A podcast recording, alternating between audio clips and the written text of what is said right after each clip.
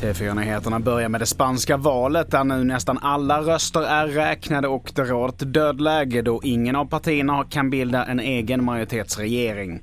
Det konservativa högerpartiet Popular hade hoppats kunna ta över makten tillsammans med de högerextrema Vox, men de backade och tappade röster nu på slutet. Så till Grekland där de kraftiga bränderna fortsätter att rasa runt om i världen, det rapporterar TT. Och igår kväll så kom nästa evakueringsorder från ön Korfu där det nu brinner på 18 olika platser.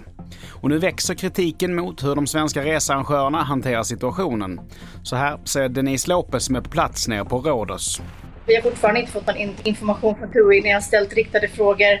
Kommer ni skicka ner plan till oss? Kommer ni hjälpa oss med nya hotell? Vi får inget svar. Till sist idag så ställs Greta Thunberg inför rätta i en tingsrättsförhandling i Malmö tingsrätt. Detta efter en klimataktion i oljehamnen i Malmö tidigare i somras.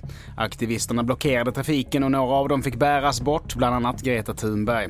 Brottsrubriceringen är ohörsamhet mot ordningsmakten och straffet för brottet är böter eller fängelse i upp till sex månader. Fler nyheter hittar du på tv4.se. Jag heter Mattias Nordgren.